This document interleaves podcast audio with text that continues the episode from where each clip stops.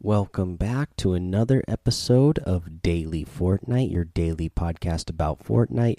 I'm your host, Mikey, aka Mike Daddy, aka Magnificent Mikey. I don't really have a lot of news today. There's not a lot of news items that came out over this weekend. The biggest thing is that NickEh30, very well known for his Fortnite play over on YouTube, made his official debut over on Twitch today. I got to watch the very first match he played. I was at work, so that's the only one I got to watch. But it was really fun to watch. It was really fun, really exciting. Uh, you know, he got you know the first match he plays on Twitch. Of course, he gets a win playing with uh, Sancho.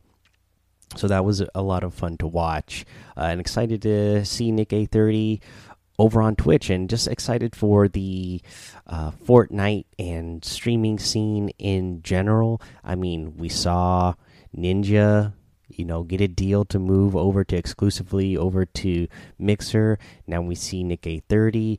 He's the next big move, getting a deal to exclusively go to Twitch. Uh, you know, that is their response. So, you know, it's exciting. I mean, you never know what other kind of moves you're going to see in the future. Uh, I mean, it's just you kind of feel who knows maybe there's going to be a bidding war over the, all these biggest streamers and uh, you know I, it's always nice to see people that you enjoy their content and you root for. It's nice to see them uh, get success. Now, let's go ahead. Let's cover a challenge tip since we don't really have much news.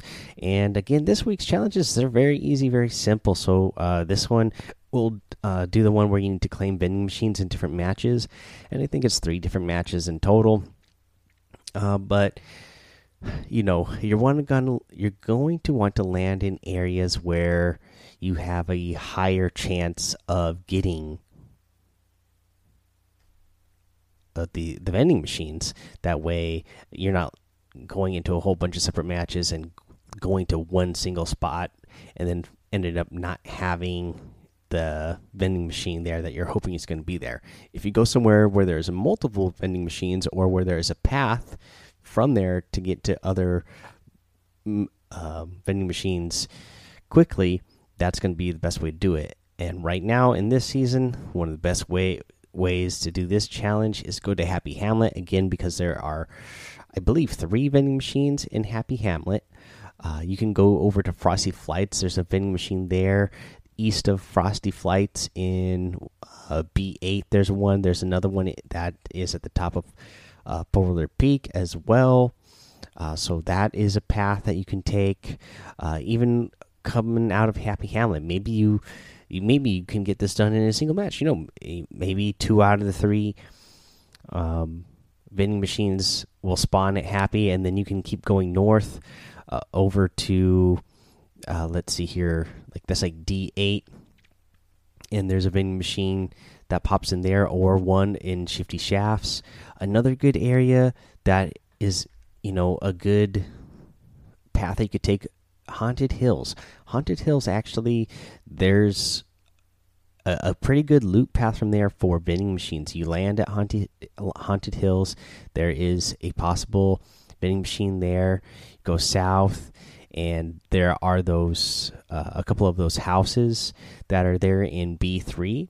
There's a possible vending machine spawn there, and then a possible vending machine that is at what was the uh, pirate encampment in B4. And then also in Pleasant Park, there's a couple of spawns for vending machines in Pleasant Park. So that's somewhere you can go and you're going to have, you know, a, a bunch of vending machines in a pretty nearby area that if you follow a path, you can uh, maybe you know, if you don't get one, maybe you get another, or if you're lucky and you get a bunch of them spawn in a single match, maybe you get multiple vending machines in a single match in uh, in, in a quick manner. All right, let's go ahead. We'll take our break here. When we're done, or when we get back, I should say, we'll come back. We'll go over the item shop and our tip of the day.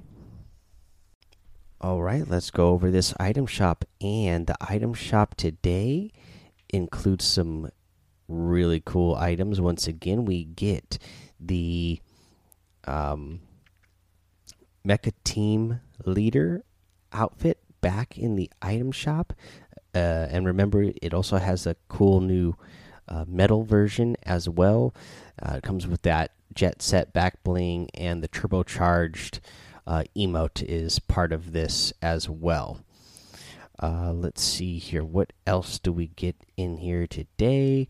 Uh, the combo cleaver harvesting tool, the mecha team wrap. We are getting the whiteout outfit, of course, is one of my favorites for a long time. The overtaker outfit, the white squall glider, and the cyclone glider. We have the vulture outfit still in here. Absolutely love this one. As I said, the blue bolt harvesting tool and the dual defiant glider. We get the uh, starfish outfit, which I absolutely love. The uh, no sweat emote, the sexy groove music, which uh, one of my favorite um, musics in the in the game. Got the fresh cut harvesting tool, the wiggle emote, and the masked fury outfit.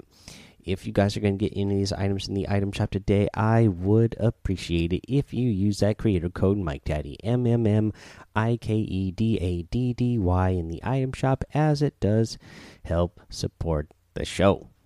Now let's get into our tip of the day and I'm really tired today. I feel like maybe I've mentioned this tip before. I don't know because I'm so tired because I had to be to work uh, quite, you know, a number of hours before I normally uh, go to work. So that meant I woke up like two and a half hours earlier than I normally do, and I'm up later now than I normally am. Uh, so forgive me if I've given this tip, but we recently got the changes to turbo build and uh, they reverted it back so that it was how we were used to it but they still made the adjustment so that it has uh, a 0.15 second delay for for bullets coming through and that is very helpful especially when you're playing in duos, trios, or squads. So the tip of the day is to when you are on a team to focus on someone who is attempting to turbo build because a lot more of your bullets are going to go through and hit the player behind the wall so they can't just sit there and spam the wall the entire time you actually have a chance to do some damage to them and force them to uh, you know, actually make some other moves other than just holding down a single button. They might have to, you know, actually make some edits and edit out and go a different direction or edit up and go up or down and you know edit down and build down. Uh, so you know and that could you never know you might be uh, put them in a worse position uh, just from them moving. But again there's a chance that you could be doing damage. So if you uh, communicate with your team and focus on a single wall. Uh, even though they're trying to hold it, some of those bullets might get through now and do some damage. So uh, just remember that, and uh, it might be a little bit more worth it now. At, at, you know, there was a point at Turbo Build that it was just no use at all to try to uh, break somebody's build down that way just because you'd be wasting all your ammo. But now uh, it's it's a lot more worth it just because you can actually do damage now. Alright, guys, that is your tip of the day. Head over to the daily Fortnite Discord and join us over there. Follow me over on Twitch and YouTube, Mike Daddy on both of those places. Head over to Apple Podcasts, leave a five star rating and a written review for a shout out on the show. Subscribe so you don't miss an episode. And until next time, have fun, be safe, and don't get lost in the storm.